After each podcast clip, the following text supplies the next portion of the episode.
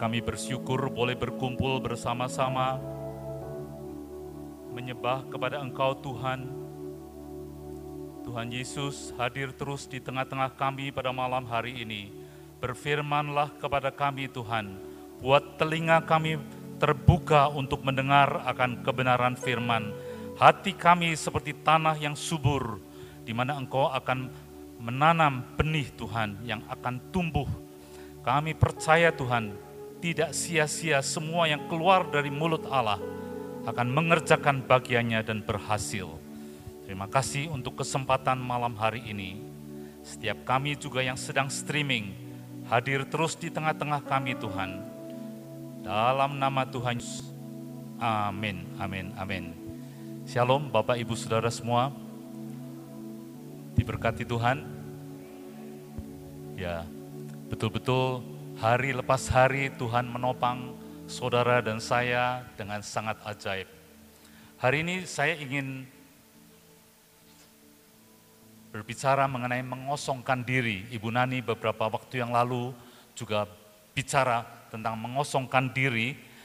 Penting karena Tuhan Yesus sendiri adalah contohnya, saudara. Ya, mengosongkan diri. Ya, next. Dari Filipi pasal 2, firman berkata begini, hendaklah kamu dalam hidupmu bersama menaruh pikiran dan perasaan yang terdapat juga dalam Kristus Yesus. Yang walaupun dalam rupa Allah, tidak menganggap kesetaraan dengan Allah itu sebagai milik yang harus dipertahankan. Melainkan Tuhan Yesus telah mengosongkan dirinya sendiri, mengambil rupa seorang hamba, dan menjadi sama dengan manusia. Dalam keadaan sebagai manusia, ia telah merendahkan dirinya dan taat sampai mati di kayu salib. Hari ini kita mau belajar saudara, Tuhan Yesus itu pencipta segala sesuatu. Dia mengajarkan sesuatu dan dia pun melakukannya. Ya, coba next kita kita lihat kita mau belajar bagaimana ketaatan. Boleh? Next ya. Ketaatan Kristus dalam rencana Bapa itu fokus yang dia kerjakan sampai dia mengosongkan diri. Ketaatan Tuhan Yesus dalam rencana Bapa. Ya. Dia punya status walaupun dalam rupa Allah tidak menganggap kesetaraan dengan Allah itu sesuatu yang harus sebagai milik yang harus dipertahankan. Saudara, itu yang mau saudara dan saya saya rindu belajar mengenai hal ini. Dia adalah sebetulnya Tuhan, dia punya status Tuhan betul-betul 100% dan dia manusia pada waktu dia turun ke dunia ini tetapi dia tidak memakai seluruh fasilitas ilahi. Sebetulnya mudah sekali untuk Tuhan Yesus.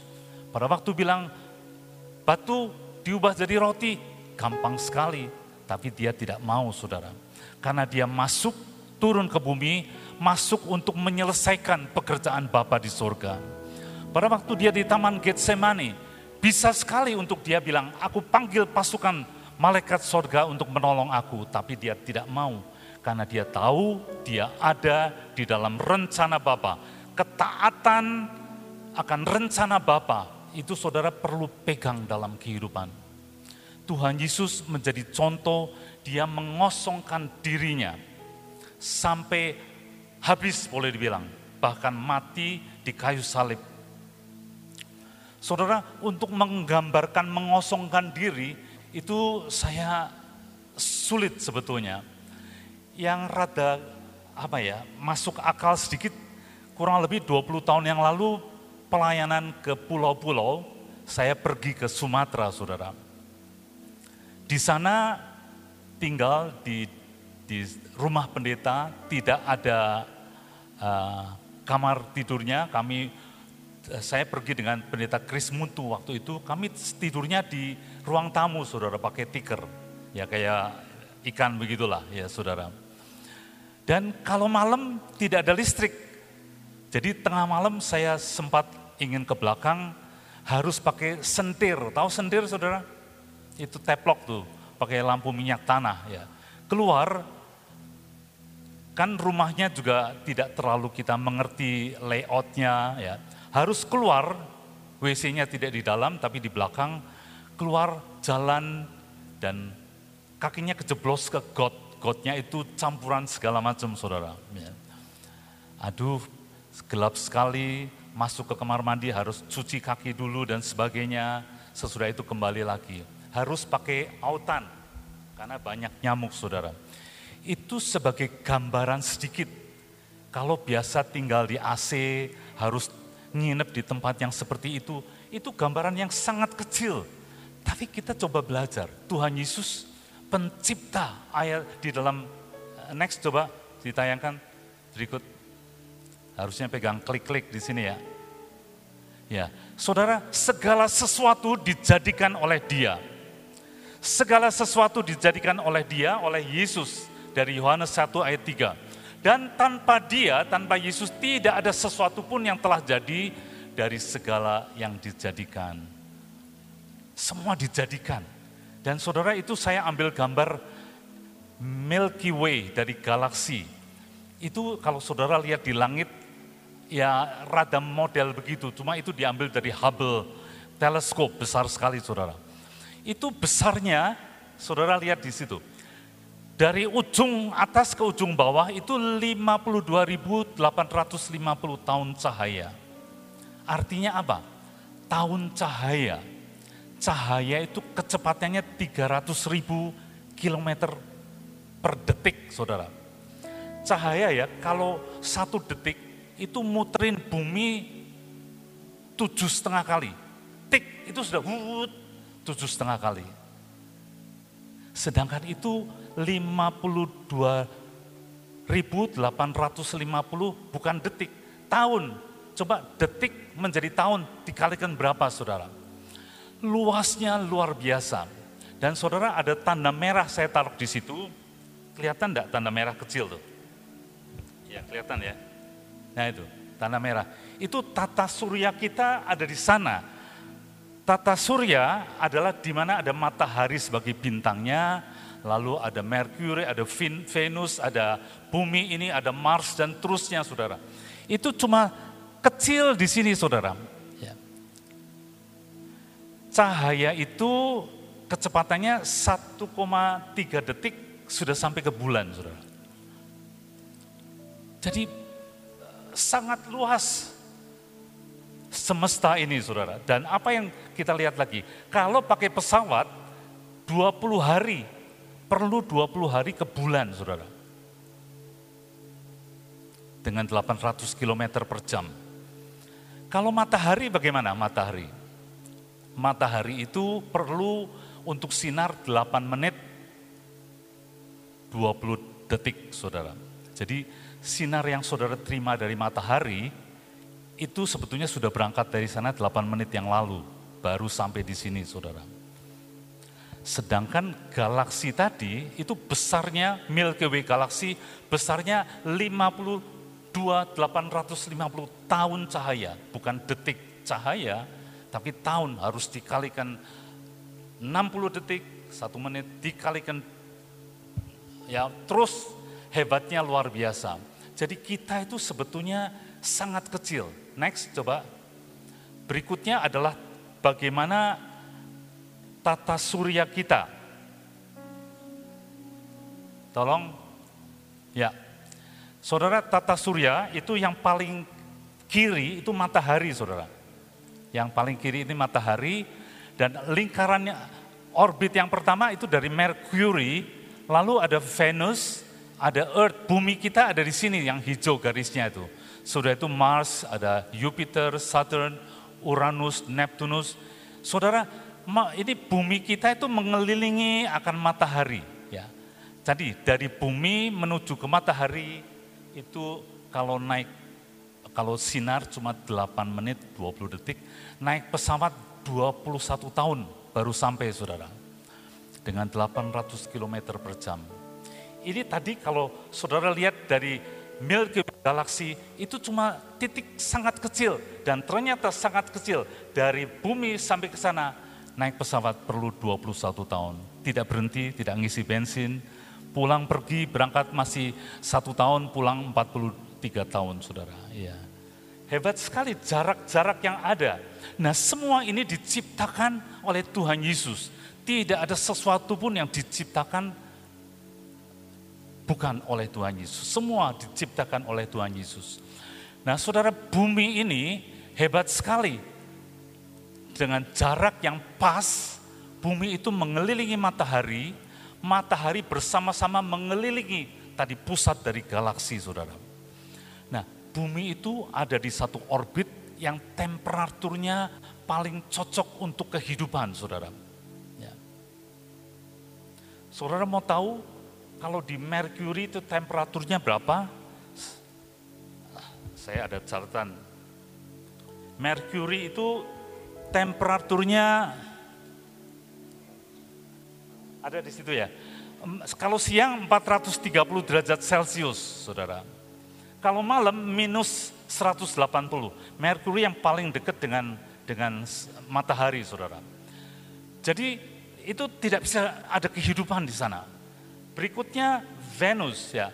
Venus tadi oh uh, ya saya tidak mencari ini tapi Mars yang agak jauh dari matahari itu rata-rata minus 60. Mungkin seperti di mana Winnipeg kadang-kadang minus 40 Celcius ya.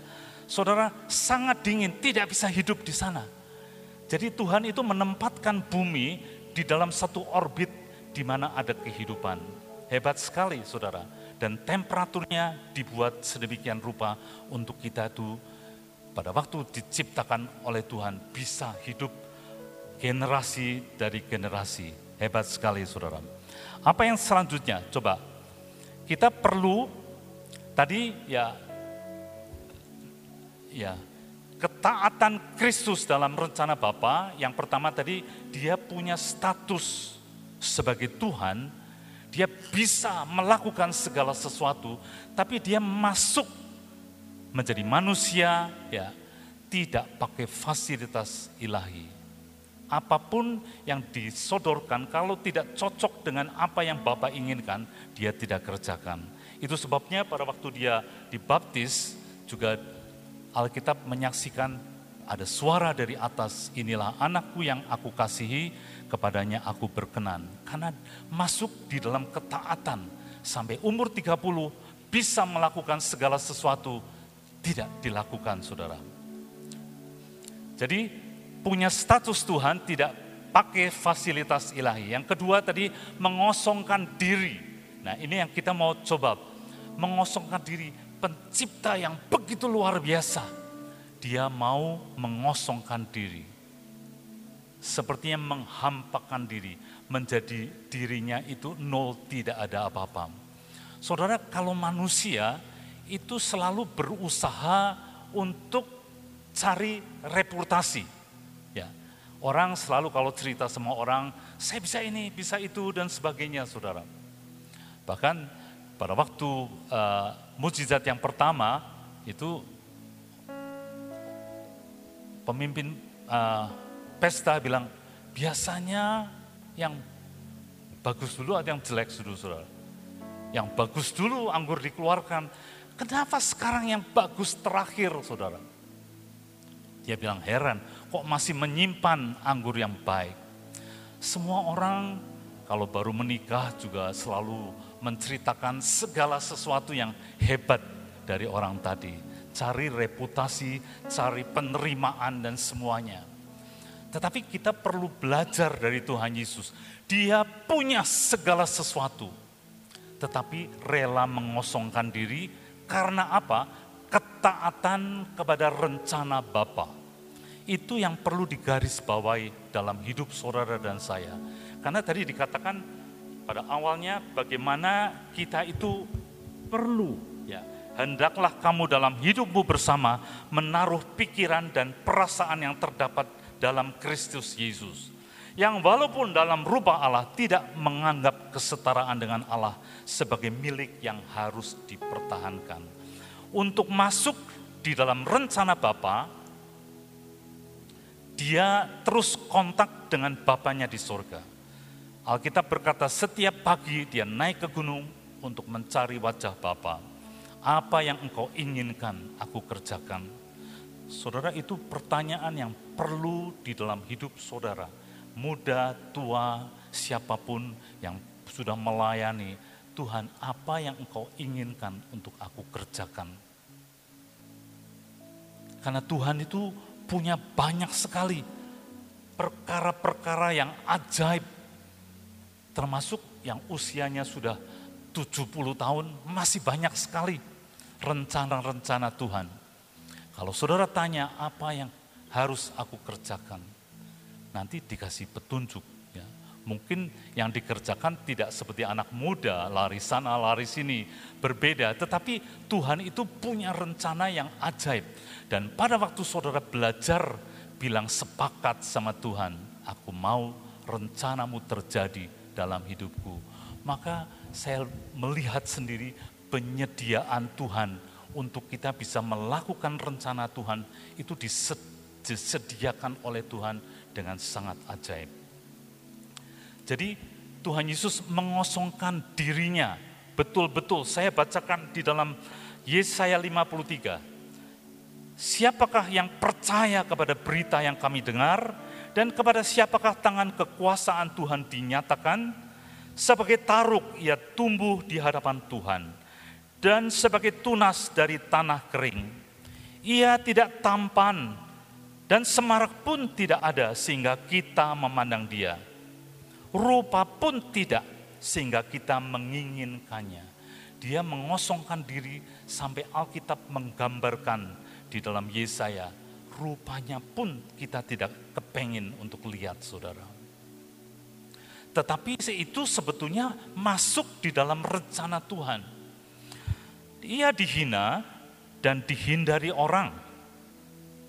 Seorang yang penuh kesengsaraan dan yang biasa derita kesakitan. Di dalam dia mengemban rencana Tuhan, biasa mengemban dia menderita kesakitan. Ia sangat dihina sehingga orang menutup mukanya terhadap dia. Sampai orang lihat melengos, saudara. Dan bagi kita pun dia tidak masuk hitungan. Kita hebat sekali kadang-kadang melihat oh orang ini masuk hitungan. Orang orang ini ah itu orang ya di sanalah begitu ya. Tuhan Yesus meredahkan mengosongkan diri sampai tidak masuk hitungan manusia. Kita menganggap itu tidak masuk hitungan. Tetapi sesungguhnya Alkitab berkata penyakit kitalah yang ditanggungnya sakit apa pun, saudara, bukan cuma secara fisik, sakit rohani semuanya dibereskan, ditanggung oleh dia.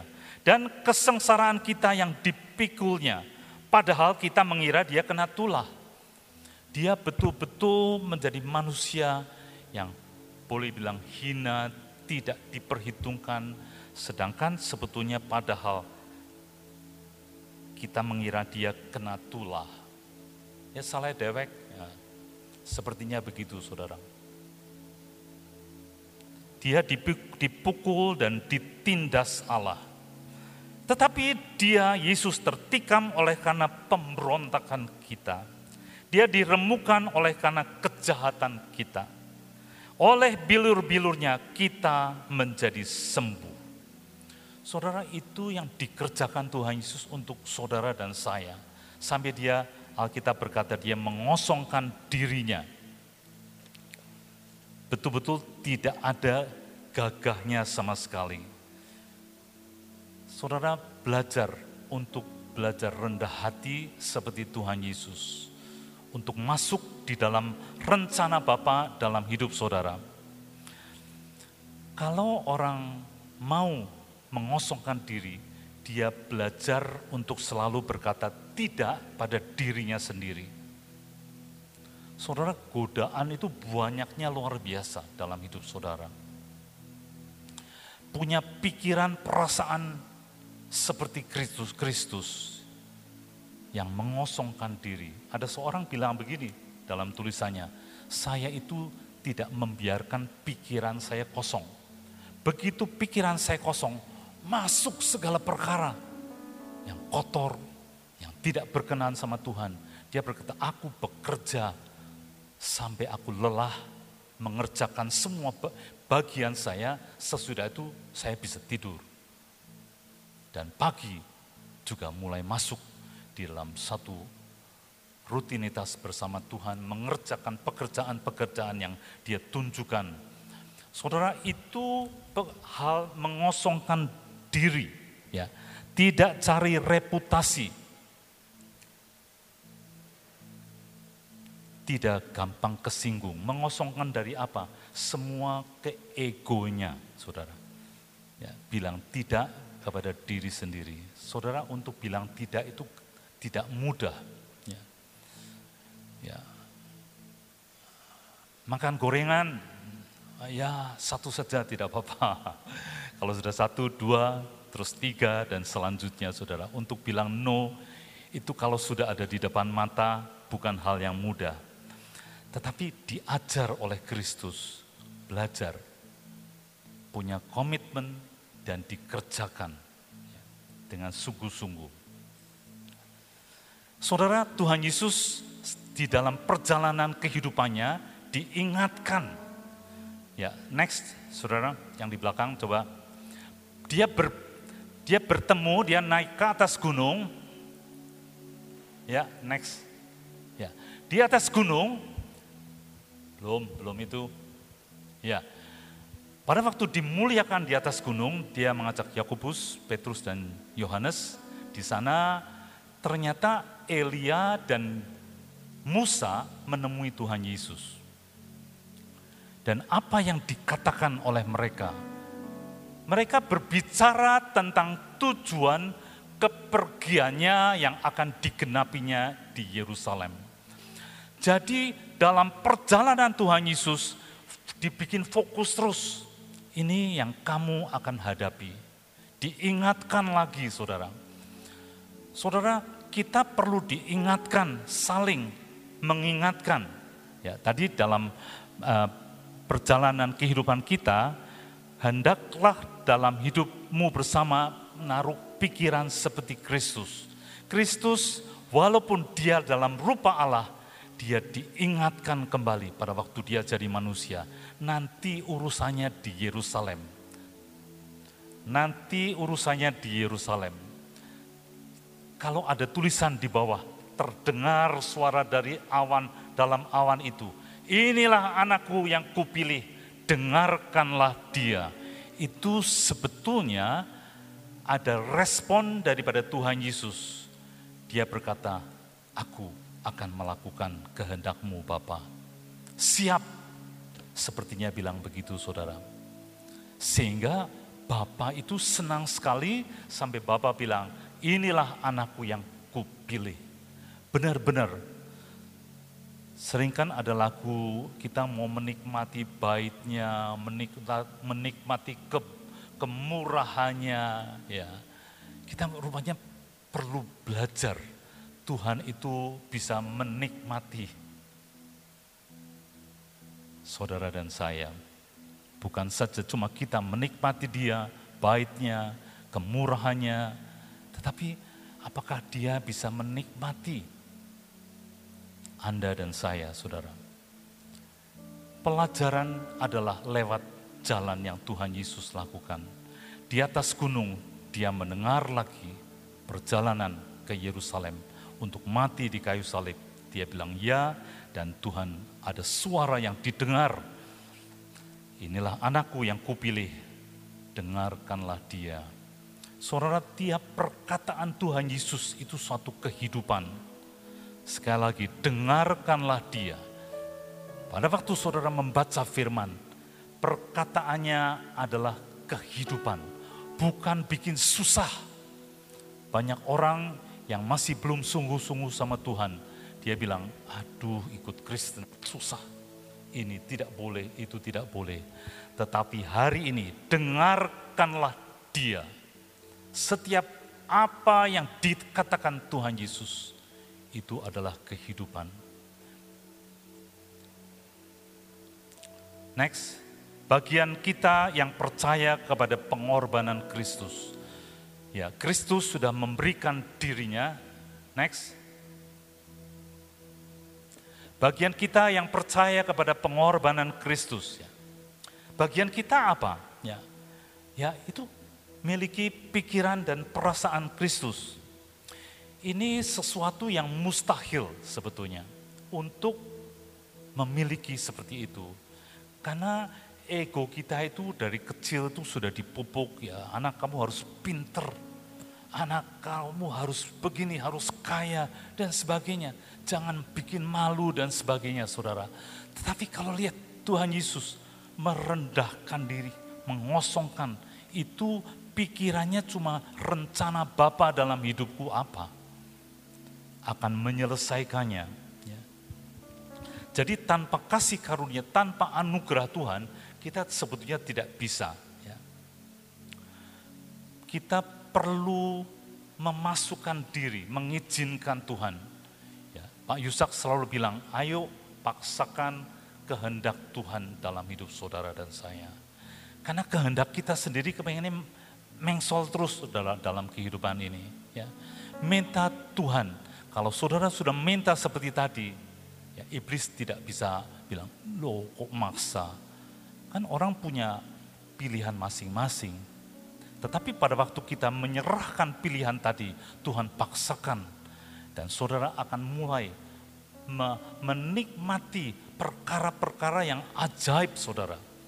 Karena lewat penderitaan Tuhan Yesus mengosongkan diri tadi, kalau kita baca lebih lanjut, maka Bapa di surga meninggikan dia, namanya di atas segala nama, semuanya serba paling atas saudara. Tidak ada nama di atas Tuhan Yesus. Semua lutut bertelut, semua lidah akan mengaku.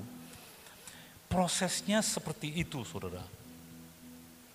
Jadi kita perlu belajar, miliki bagian saudara dan saya. Miliki itu sesuatu harus aktif ya. Mengosongkan diri itu satu keputusan yang aktif.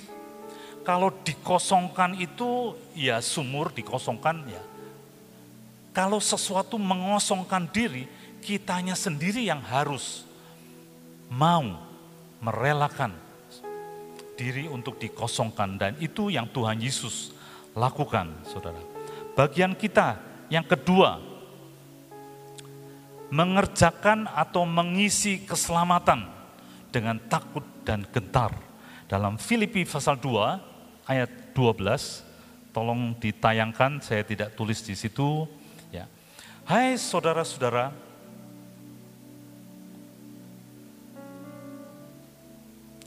Hai saudara-saudaraku yang kekasih, kamu senantiasa saat, karena itu tetaplah kerjakan keselamatanmu. Selamat pemberian, tapi di sini dikatakan keselamatan anugerah, kerjakan, isi keselamatan. Bukan cuma begitu saudara sudah dibaptis, wis beres, apa saja nanti masuk.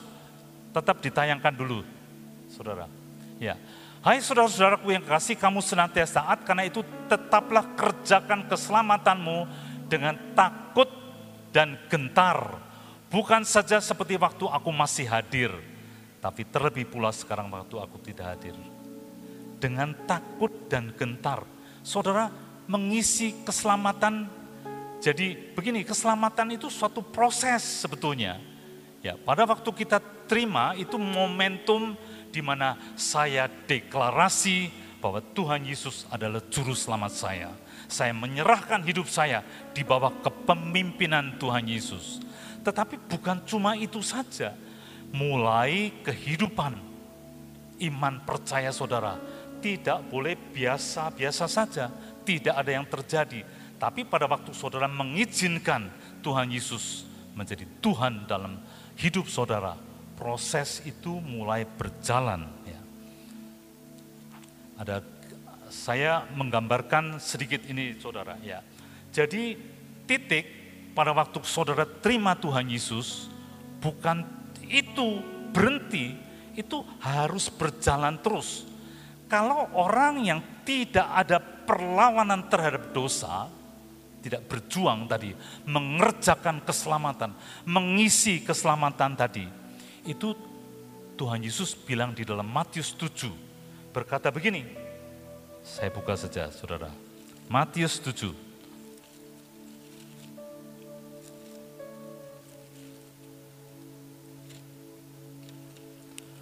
Bukan setiap orang yang berseru kepadaku Tuhan, Tuhan, ayat 21, akan masuk ke dalam kerajaan sorga.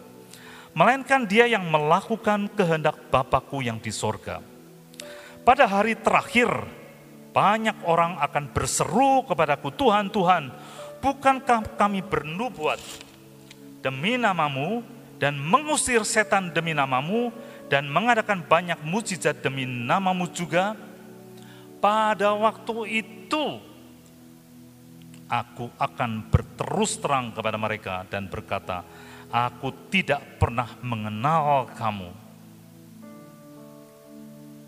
enyahlah daripadaku kamu sekalian pembuat kejahatan. Aku tidak pernah mengenal kepada engkau. Kalau tidak ada perlawanan, tidak ada usaha untuk mengisi keselamatan yang ada, untuk hidup benar di hadapan Tuhan, pada waktu akhir Tuhan akan berterus terang, aku tidak kenal engkau. Bahasa yang lain sebetulnya aku tidak menikmati engkau. Kayak diemut terus dimutahkan saudara. Kalau saudara tidak mengisi keselamatan dengan sungguh-sungguh, sampai Alkitab bagian yang lain mengatakan, usahakan melakukannya sampai yang Tuhan Yesus lakukan mencurahkan darah. Itu namanya usaha yang sampai sakit betul-betul serius sekali saudara.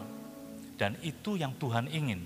Kalau saudara itu melakukan seperti itu, saudara sebetulnya sedang meningkat. Grafiknya bukan cuma flat di sini, sampai di sana Tuhan bilang, aku tidak kenal engkau. Engkau tidak menyenangkan akan hidupku. Aku tidak menikmati engkau.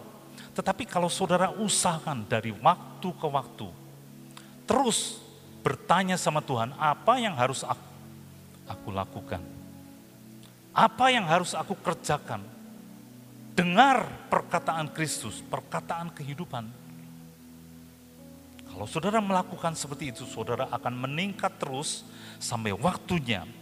Pada waktu bertemu dengan Tuhan, Tuhan bilang, ayo masuk ke dalam kebahagiaan. Engkau membuat diriku senang, aku menikmati engkau. Saudara, pelajaran pada malam hari ini bagaimana saudara dan saya perlu mengisi keselamatan itu. Ada orang-orang yang mungkin salah mengerti sedikit karena dia sudah terima keselamatan, itu adalah anugerah. Ya, sudahlah hidupnya biasa-biasa aja, ada satu tulisan yang saya baca, bagaimana sebetulnya kita tuh harus meningkatkan level moral kita, saudara. Untuk menjadi mirip seperti Tuhan Yesus. Karena orang-orang Kristen ada yang mungkin level moralnya di bawah orang dunia. Tidak memperhatikan, pikirnya wis selamat, wis lah hidupnya ngawur juga tidak apa-apa. Tidak bisa, saudara. Pada akhirnya akan Tuhan berkata, engkau tidak menyenangkan aku, aku tidak menikmati engkau. Akan dibuang. Nah, saudara-saudara, bagian kita yang ketiga, terus coba. Menjadi orang yang dinikmati Tuhan, jadi ya. Yang kedua, yang pertama miliki pikiran Kris dan perasaan Kristus mengerjakan atau mengisi keselamatan dengan takut dan getar ketika menjadi orang yang dinikmati Tuhan. Itu yang Tuhan ingin sebetulnya. Sampai Tuhan Yesus tadi ada suara dari awan-awan inilah anakku yang kukasihi. Saudara di sini menaikkan level moral menjadi seperti Kristus. Ya. Kodrat dosa itu dari kecil itu sudah nempel dalam hidup saudara dan saya. Tidak usah diajarin, kita pinter melakukan segala perkara yang tidak benar ya. Itu harus diganti dengan kodrat ilahi. Di dalam Ibrani pasal 12 dikatakan ingatlah selalu akan dia. Kita dipanggil untuk ingat terus fokus kepada Tuhan Yesus yang tekun menanggung bantahan sehebat itu terhadap dirinya dari pihak orang-orang berdosa. Saudara, pada waktu di atas kayu salib turun, bisa nyelamatin orang. Coba selamatin dirimu sendiri. Saudara, kalau dia tidak mengosongkan diri, dia kesinggung, dia turun. Urusan keselamatan tidak terjadi, saudara. Jadi firman Tuhan hebat sekali. Ada orang-orang yang itu me, bilang yang tidak enak sama dia supaya jangan kamu menjadi lemah dan putus asa. Saudara, di dalam berusaha untuk betul-betul hidup di dalam kebenaran, jangan putus asa dalam pergumulan kamu melawan dosa, dalam pergumulan kamu melawan dosa, kamu belum sampai mencucurkan darah. Artinya, untuk hidup di dalam kebenaran itu bukan hal yang gampang. Tapi Tuhan itu menyediakan anugerahnya besar anugerahnya. Ada bagian yang lain saya ada ya saudara ada bagian lain dan ada orang yang berkata kepada Tuhan, Tuhan sedikit sajakah orang yang diselamatkan? Jawab Yesus kepada orang-orang di situ, berjuanglah untuk masuk melalui pintu yang sesak. Pintunya sesak. Saudara Pak Yusak pernah dalam khotbahnya bilang dia naik ke satu tempat terus tambah mepet, mepet. Tadinya mobil dicopot, dilepas, naik sepeda juga harus ditinggalkan. Baju pun harus dicopot, saudara. Untuk bisa ngelewatin itu. Ya, Anda tahu bagaimana itu. Ya. Itu bicara apa sebetulnya? Semua yang ada di dalam saudara, diri saudara, harus dilepas dengan pertolongan daripada Tuhan. Sehingga saudara dan saya mirip sama Tuhan Yesus.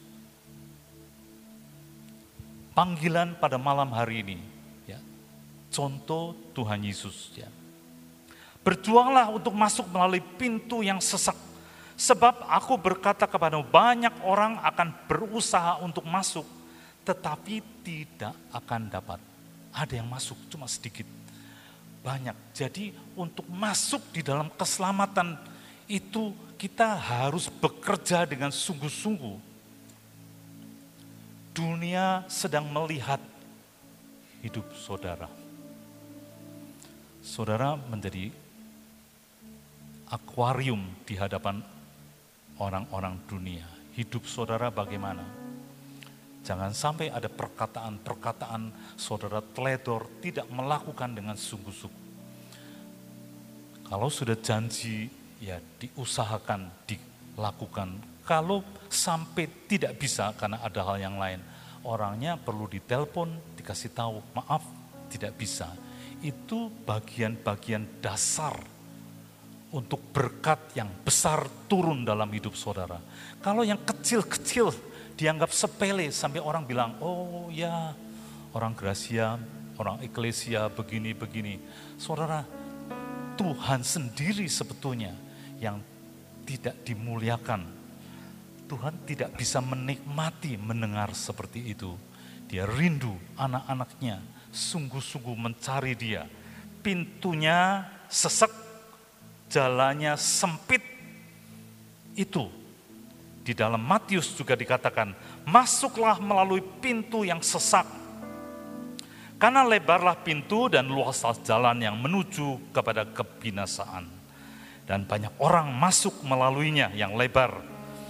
Karena sesaklah pintu dan sempitlah jalan yang menuju kepada kehidupan.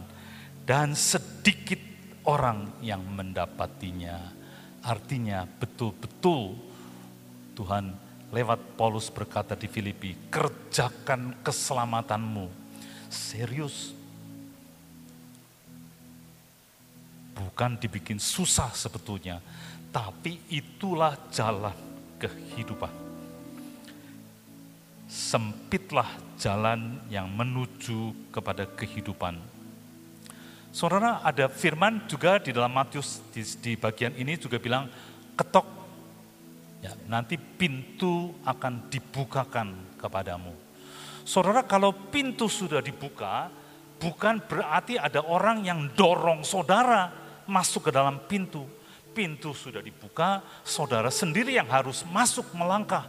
Tetapi melangkahnya masuk, Alkitab berkata pintunya itu sesek, sempit jalannya, saudara. Begitu masuk, saudara, heran sekali.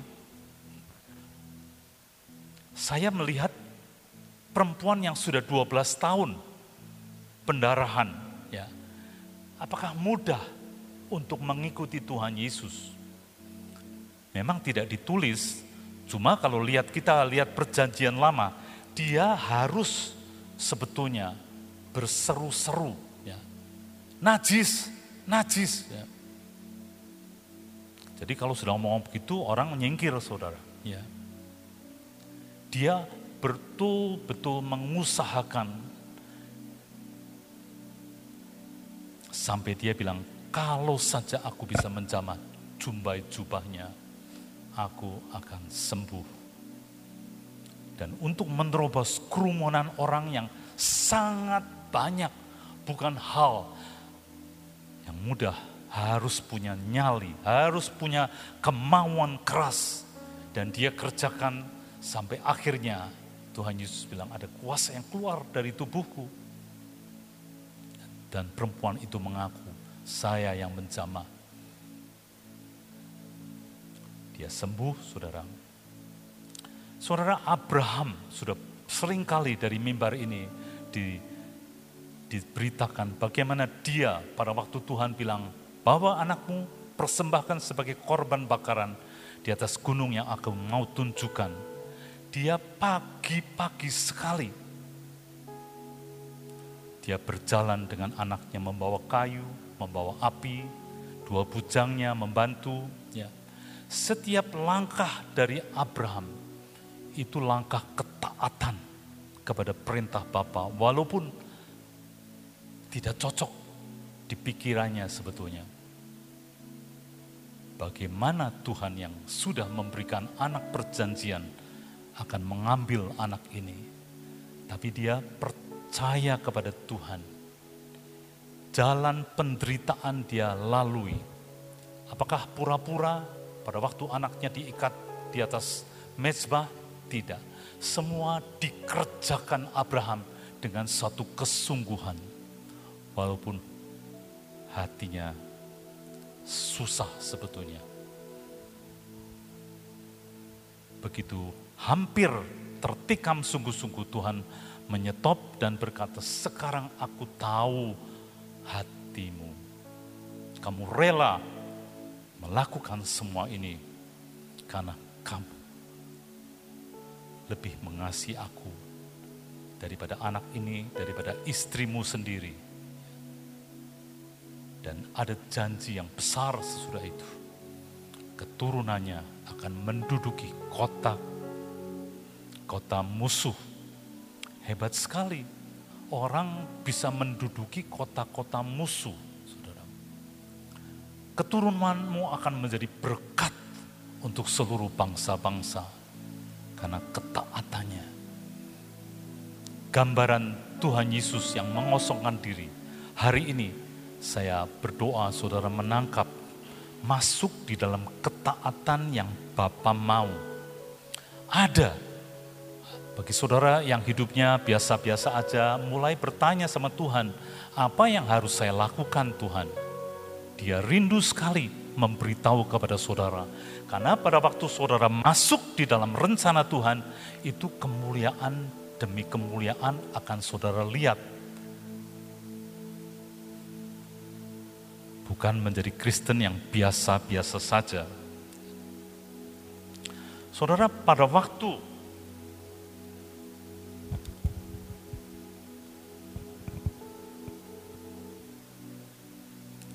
Ya, pada waktu kita itu masuk rela tadi pintu terbuka, saudara melangkah masuk, percaya bahwa pintu itu sudah dibuka sama Tuhan. Saudara masuk, walaupun itu pintu yang sesak, jalannya sempit, saudara. Tetapi di dalam perjalanan itu, perjalanan ketaatan, penyertaan Tuhan ada. Memang sulit jalannya, tapi ada penyertaan Tuhan. Justru lewat jalan-jalan yang tadi, ya jalan iman Abraham membawa anaknya, dia melihat kemuliaan demi kemuliaan terjadi dalam hidupnya. Saudara, sekali lagi, keselamatan memang gratis diberikan. Kita punya bagian tidak semua diserahkan sama Tuhan. Kita punya bagian untuk mengerjakan keselamatan tadi. Di dalam satu Petrus dikatakan, jika orang benar hampir-hampir tidak diselamatkan. Bukan orang Kristen, orang benar. Orang benar itu orang yang percaya kepada Tuhan dan melakukan kebenaran. Jika orang yang benar hampir-hampir, nyaris tidak diselamatkan, apakah yang akan terjadi dengan orang fasik dan orang berdosa?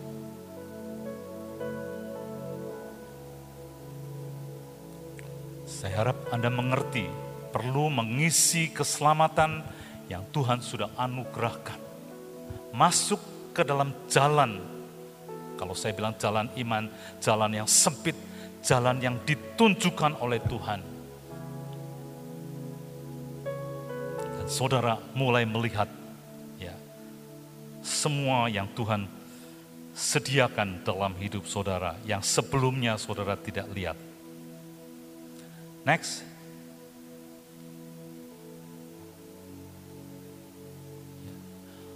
Saudara mengosongkan suatu aktif, saya mau Tuhan, saya mau, saya mau. Nah, kalau saudara sampai tidak mau, Alkitab memberi contoh orang-orang yang dikosongkan sama Tuhan. Imam Eli. Sebab itu demikianlah firman Tuhan Allah Israel. Sesungguhnya aku telah berjanji. Sesungguhnya ada perjanjian bahwa keturunan ini imam itu tidak akan selesai terus Sesungguhnya aku telah berjanji, keluargamu dan kaummu akan hidup di hadapanku selamanya. Melayani Tuhan. Tetapi sekarang, demikianlah firman Tuhan. Tidak jadi, jauhlah hal itu daripadaku. Sebab siapa yang menghormati aku, akan kuhormati. Siapa yang menghina aku, akan diberi pandang rendah. Saudara, dia pada waktu mendengar tabut yang dibawa berperang diambil orang oleh orang Amalek. Apa orang Filistin? Apa yang terjadi? Dia mendengar tadi, dia waktu duduk di kursi jatuh dan kepalanya putus, saudara. Mantunya waktunya punya anak, waktu mendengar bahwa suaminya mati di peperangan, langsung melahirkan dan yaitu waktu anak tadi cucunya Imam Eli lahir, Imam Eli mati, saudara. Belajar mengosongkan diri agar tidak dikosongkan Imam Eli itu menggemukkan dirinya dengan makanan-makanan persembahan. tidak menegur anak-anaknya. Alkitab berkata menghormati anak-anakmu lebih daripada aku. Abraham menghormati Tuhan lebih daripada anaknya, daripada istrinya. Dia masuk ke dalam ketaatan Tuhan. Biarlah ini mengingatkan kepada saudara. Yang kedua, ya keluar. Orang yang dikosongkan, tok tok tok, ya. Orang yang dikosongkan oleh Tuhan yang kedua, Raja Saul. Tuhan telah menyuruh engkau pergi dengan pesan. Pergilah jadi Saul itu sudah dikasih tahu Amalek harus dihabisin total semuanya. Tuhan telah menyuruh engkau, ini Samuel bilang, dengan pesan pergilah tumpaslah orang-orang berdosa itu. Yakni orang-orang Amalek berperanglah melawan mereka sampai engkau membinasakan mereka. Mengapa engkau tidak mendengarkan suara Tuhan? Mengapa engkau mengambil jarahan dan melakukan apa yang jahat di mata Tuhan. Agak tidak dibunuh, ya, kepengen untuk ya gagah-gagahan lah. Ini aku sudah menang terhadap orang Amalek ini rajanya aku pegang. Kalau tidak ada tidak kelihatan seperti itu. Lalu kok banyak lembu, domba ya yang harusnya dihabisi tidak dilakukan itu tidak dikerjakan oleh Raja Saul. Apa yang terjadi? Sebab engkau telah menolak firman Tuhan, sebab itu Tuhan telah menolak engkau sebagai raja atas Israel. Dipilih sama Tuhan, ya. menolak firman, dikosongkan, saudara. Saudara hari ini biar ini menjadi bagian dari hidup saudara dan saya. Saya akan bacakan yang terakhir dari Filipi pasal 2, boleh ditayangkan Filipi, Filipi pasal 2 ayat pertama sampai 4. Tadi kita baca ayat 5 sampai 8. Sekarang yang jadi karena dalam Kristus ada nasihat ada penghiburan kasih, ada persekutuan roh, ada kasih mesra, belas kasihan. Karena itu, sempurnakanlah sukacitaku dengan ini. Paulus ada di mana? Di penjara. Kaki terikat, sumpek, peteng, ya. Dia menulis begitu. Karena itu sempurnakanlah sukacitaku dengan ini. Sudah penuh dengan sukacita di tengah kesesakan minta disempurnakan. Hendak apa? Hendaklah kamu sehati sepikir dalam satu kasih, satu jiwa, satu tujuan. Dengan tidak mencari kepentingan sendiri atau pujian, puji-pujian yang sia-sia. Tidak istilahnya pencitraan atau reputasi jaga apa orang bilang jaga image atau semua yang kelihatan hebat dengan tidak mencari kepentingan sendiri atau puji-pujian yang sia-sia. Saudara, orang-orang bilang, Hosana, Hosana. Tidak lama lagi, apa? Salibkan dia, salibkan dia dengan suara yang keras di hadapan Pontius Pilatus. Sebaliknya, hendaklah dengan rendah hati yang seorang menganggap lain yang lain lebih utama daripada dirinya sendiri. Belajar dari Kristus. Pikir, mikirin orang lain saudara. Kristus datang juga untuk mikirin saudara dan saya. Keselamatan saudara dan saya. Empat, dan janganlah tiap-tiap orang hanya memperhatikan kepentingannya sendiri, tapi kepentingan orang lain juga. Ini panggilan saudara, mari di dalam persekutuan bersama hari Selasa dan yang streaming, praise and worship semua mulai memperhatikan yang lain. Itu panggilan daripada Tuhan.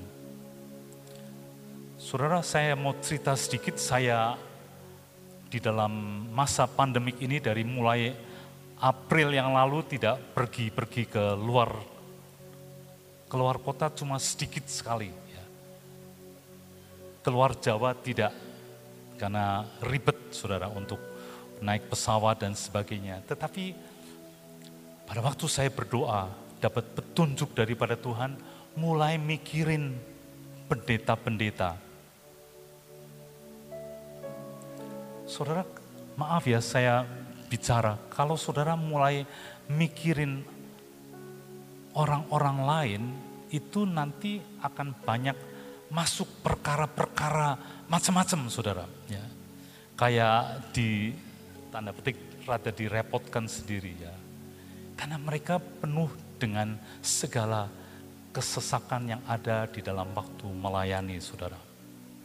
Tetapi Tuhan arahkan ke saya, saudara sampai hari ini itu Sion kan ngur apa mengadopsi Pulau Sulawesi ya sudah lebih dari 750 pendeta di Sulawesi. Dan yang belum saya kerjakan karena saya ngurusi mempersiapkan firman ini masih ada puluhan lagi saudara. Saya tidak mengusahakan Sulawesi yang paling banyak, tetapi kalau masuk di dalam rencana Tuhan, itu pintu-pintu walaupun harus kadang-kadang sampai malam saya ngurusi akan pendeta-pendeta. Nelpon sana, nelpon sini, ya. WA sana, WA sini, saudara. Tetapi Tuhan itu berkemurahan karena untuk Sion panggilannya adalah Sulawesi.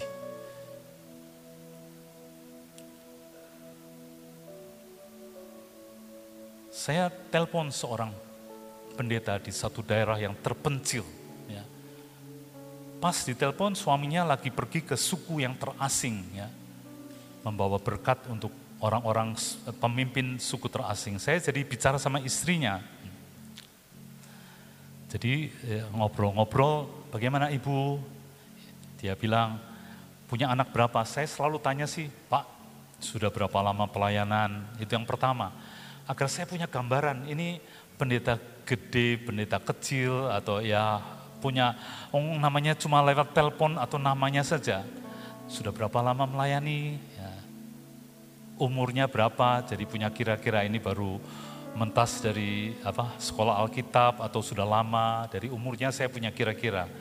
Untungnya saya menang, saudara. Hampir menang terhadap semua pendeta yang ada. Kecuali satu pendeta atau dua pendeta, satu ada yang 90 tahun masih melayani. Hebat sekali saudara, ya. Masih khotbah di gereja. Ajaib sekali. Ya, jadi dari umurnya saya tahu kira-kira mereka umur berapa, lalu punya anak atau tidak, ada yang single. Lalu banyak berapa keluarga yang dilayani. Ya, saya suka tanya begitu saudara. Yang tidak enak kalau dia bilang, aduh saya seorang janda tanya umur, aduh rada kurang kurang kurang polite, kurang apa ya, kurang sopan sebetulnya. Tapi saya perlu punya gambaran, ya. Telepon dengan ibu pendeta ini dia cerita, ya saya punya anak dua, satu sekolah Alkitab, hmm, hebat sekali. Kehidupan yang sangat sederhana. Ya. Dia cerita saya harus bikin nasi kuning untuk biaya keluarga, saya harus menanam ubi di belakang, harus melakukan ini dan itu. Ya. Saya selalu dorong para pendeta. Kalau saya juga anak seorang pendeta, paling tidak mereka ada kontak dengan mereka, saudara. Saya dipelihara sama Tuhan. Bapak Ibu juga lakukan tugas dengan sungguh-sungguh kepada Tuhan, maka anak-anak juga dipelihara oleh Tuhan. Ada seorang pendeta lagi di daerah satu namanya Pulau Peling, saudara. Ya sama saja, telepon ketemu istrinya, Bapak ada di mana? Ada di laut Pak, ngapain? cari ikan. Ya. Jadi memang jemaatnya cuma sedikit untuk kehidupan harus ditambah dengan cari ikan dijual. Ada yang mancing juga. Ada yang dari hari Senin sampai hari Rabu dia ambil kelapa sawit itu menuai kelapa sawit dengan sengget. Sengget tahu enggak? Hmm. Tongkat panjang, ada ada aritnya, brek terus jatuh, saudara. Ya. Hari Kamis, Jumat, Sabtu, Minggu saya pelayanan. Untuk apa? Menambah akan kebutuhan. Saudara, banyak sekali mereka di sana sedang melakukan berita keselamatan. Dan jalannya sempit. Pintunya jalannya sempit pintunya sesak saudara. Tapi mereka terus mengerjakan. Terus mengerjakan dan Alkitab berkata, setiap firman yang keluar dari mulut Allah tidak akan kembali dengan apa? sia-sia. Akan melaksanakan apa yang aku suruh dan berhasil. Setiap firman adalah kehidupan. Saya bersyukur saudara saudara harus mengisi kehidupan saudara. Apa yang Tuhan inginkan dalam hidup saudara. Kekuatan bukan dari Anda, Tuhan yang supply. Apa pun yang diperlukan itu nanti akan disediakan oleh Tuhan sendiri. Mari kita berdoa. Bapa di surga, kami sudah mendengar Bagaimana Tuhan Yesus mengosongkan diri sampai habis di kayu salib, taat kepada kehendak Bapa. Pelajaran untuk semua kami yang ada di sini, termasuk hambamu sendiri.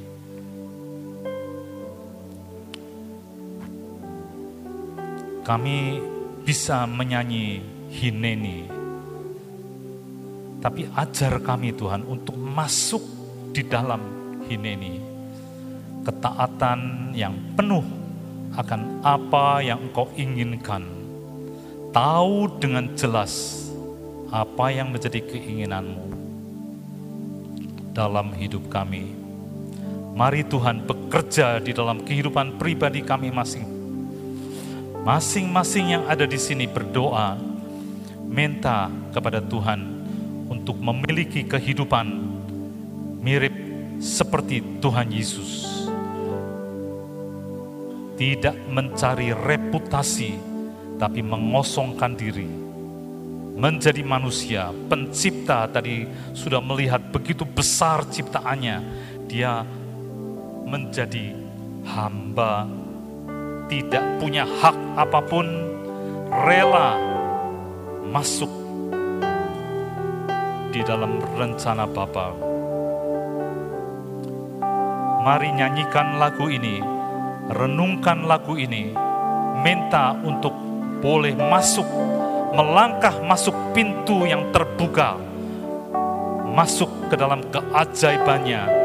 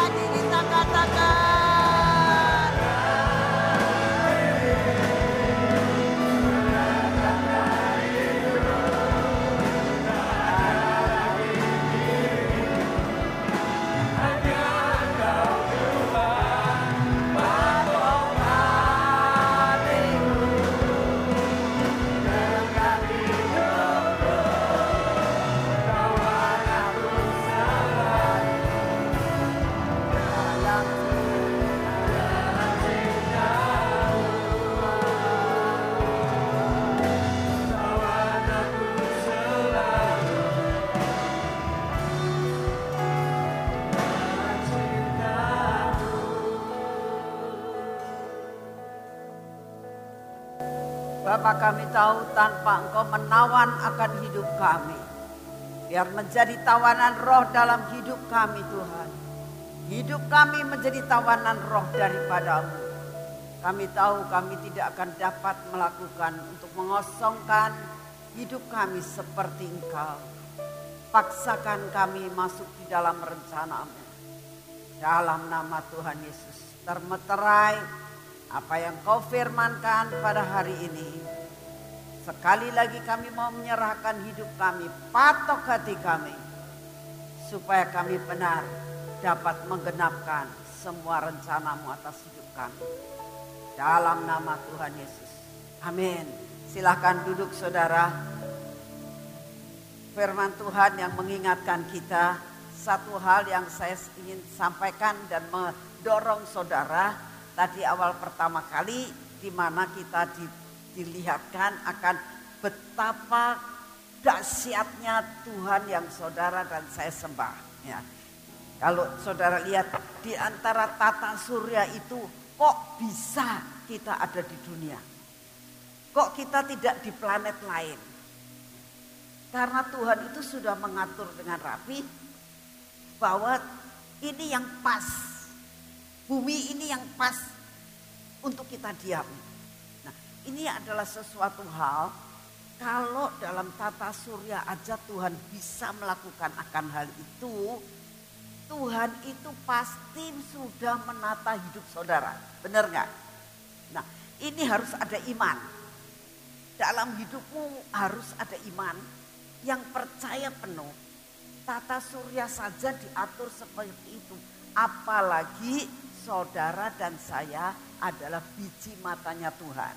Nah, saudara, saya akan kasih gambaran gini. Kalau saudara memperhatikan anaknya orang lain, ya, masakan saudara tidak memperhatikan anak sendiri. Betul nggak? Nah, kalau Tuhan itu memeliharakan dan mengatur tata surya buatannya, yang merupakan benda mati. Masakan Tuhan gak akan memeliharakan saudara dan saya sebagai umat pilihan Tuhan. Hembusan nafasnya diberikan buat kita. Sedangkan kalau yang semuanya itu diciptakan hanya melalui firman. Tapi kita adalah hembusan nafas Tuhan. Diberikan kepada kita sampai kita menjadi hidup. Jadi saudara saya waktu mendengarkan firman Tuhan ini saya bilang Tuhan hanya engkau yang bisa memampukan kami untuk percaya. Percaya itu gak semudah kata-kata. Tapi biar hari ini saya mendorong saudara. Wis percaya gelondongan aja sama Tuhan. Lakukan bagian kita. Setiap orang punya bagian sendiri-sendiri tuntutan Tuhan atas hidup saya berbeda dengan tuntutan atas hidup saudara. Tapi satu hal yang penting, selesaikan panggilan saudara. Amin. Selesaikan panggilan saudara seperti yang Tuhan katakan. tiap orang punya panggilan sendiri-sendiri. Jangan sampai kita seperti Imam Eli, jangan sampai kita ditolak seperti Saul. Lakukan bagian kita. Amin. Amin. Ya, saya percaya firman Tuhan ini akan memberkati saudara semuanya. Silakan tayangkan pengumuman.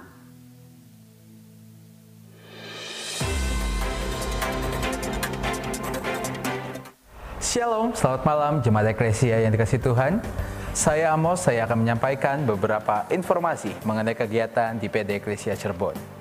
Kami menyambut bagi Bapak Ibu, Saudara sekalian yang baru pertama kali hadir bergabung beribadah bersama kami. Kami senang menyambut Bapak Ibu, Saudara sekalian dalam pembinaan iman PD Eklesia Cirebon. Kami mengundang jemaat sekalian untuk dapat hadir kembali bergabung bersama kami dalam ibadah PD Eklesia Cirebon hari Selasa minggu depan tanggal 30 Maret 2021 pukul 6 sore di Gedung Gracia lantai 2. Jemaat juga bisa mengikuti ibadah kami melalui streaming di www.eklesiacirebon.com atau YouTube channel Sion Media. Minggu depan kita akan dilayani oleh Evangelis Sofia Teja Sentosa, Evangelis Freddy Hadi, Evangelis Lukas Hermawan.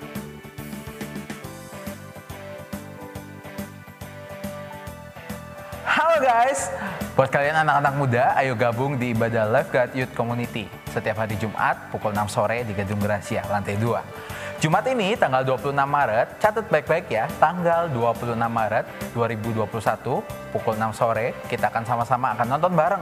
Penasaran gak sih filmnya apa? Kita lihat cuplikannya. I'm a friend of the Archbishop of Canterbury. What are you qualified to do? Manage Stoke City or, or, or be a vicar. What exactly does it entail, this job?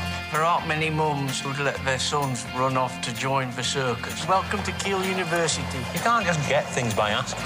I can. Is Tony Benn in today? I just fancy coming to work for me. Kitman. Toby Jones I've always wanted to be happy. in the network premiere. So well, I decided to be. What's the Neil Baldwin Football Club? My own team. I'm just the club president. Marvellous on BBC Two and BBC Two HD.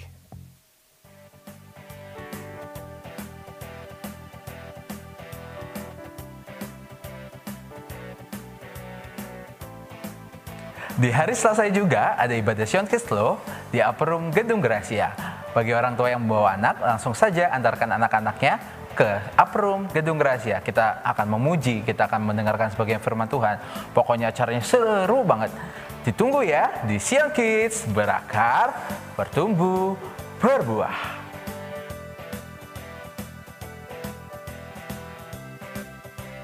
Jemaat bisa mengakses informasi kegiatan di PD Eklesia Cirebon melalui Instagram dan Facebook kami di Eklesia Sion.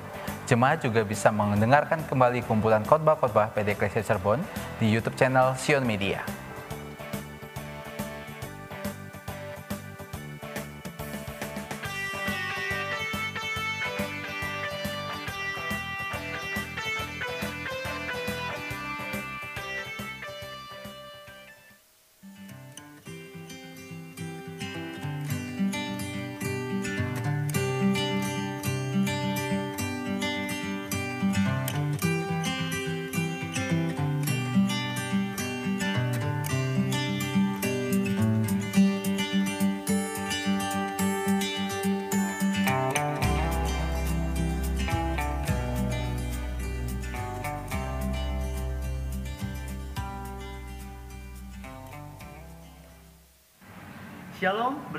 Rio.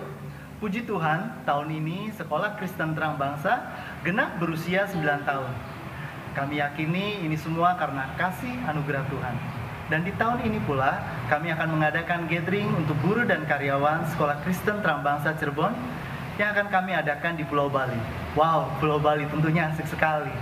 Tujuan kami mengadakan gathering adalah untuk menguatkan visi dan misi kami, khususnya di dunia pendidikan. Dan untuk mewujudkan kegiatan ini, kami mengadakan penjualan beberapa makanan dan minuman yang dapat dibeli baik secara langsung maupun secara online. Bagi Bapak Ibu yang berminat, dapat menghubungi PIC kami di setiap unit jenjang Sekolah Kristen Terang Bangsa dari TK sampai dengan SMA. Atas perhatian dan dukungannya, kami mengucapkan terima kasih. Tuhan Yesus memberkati.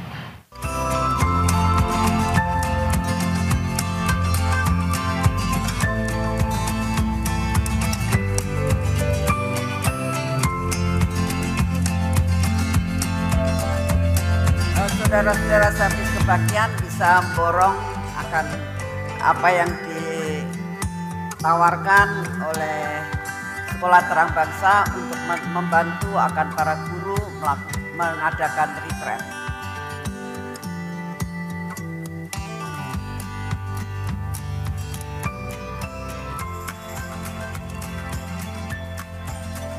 Mari kita bangkit berdiri sekarang. Demikian informasi yang dapat kami sampaikan. Bapak kau siapkan hati kami saat ini untuk memberi yang terbaik kepadamu. Bicaralah engkau kepada kami ya Tuhan. Berapa yang kami mau persembahkan kepadamu dengan kasih. Kami ingin memberikan sesuatu yang engkau tunjukkan kepada kami. Jalan yang harus kami tempuh. Berapa uang yang harus kami berikan kepadamu. Karena kami tahu kalau engkau memberikan berkat buat kami, ini berasal daripadamu. Oleh karena itu ajar kami untuk mengucap syukur dengan apa yang engkau berikan buat kami. Terima kasih Tuhan, kuduskan dan sucikan persembahan kami. Dalam nama Tuhan Yesus. Amin. Silakan saudara memberi berkat berkat Tuhan Yesus. back.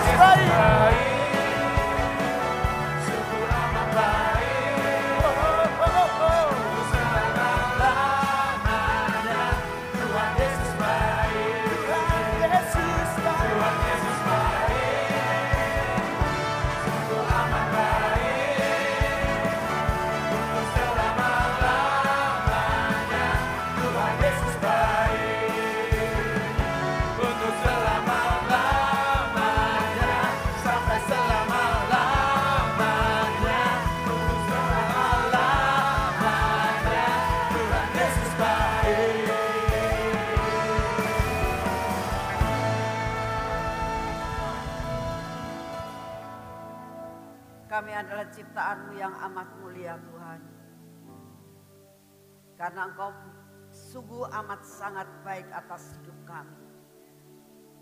Buat kami mengikuti akan teladanmu Tuhan. Mengosongkan akan hidup kami. Mementingkan orang lain. Mengasihi orang lain. Memberikan apa yang menjadi keinginan kami untuk diberikan kepada orang lain. Bapa kami datang di hadapanmu. Berikan kami buah ini Tuhan. Buah mengosongkan diri kami. Merelakan hidup. Merelakan hidup. Untuk melaksanakan apa yang engkau mau. Sebentar kami akan pulang ke rumah kami masing-masing Tuhan Benih firmanmu tidak akan hilang dan tidak akan kembali dengan sia-sia. Tumbuhkan akan setiap benih ini. Tumbuh dalam hidup kami. Kami pulang dengan berkat yang berkelimpahan. Semua berkat yang terbaik yang dari surga. Kami terima di dalam nama Tuhan Yesus. Berkat dari Bapa, berkat dari Tuhan Yesus, berkat dari Roh Kudus. Kami terima dengan utuh kami pulang dari tempat ini membawa berkat yang luar biasa. Di dalam nama Tuhan Yesus kami sudah berdoa. Amin. Kami ahli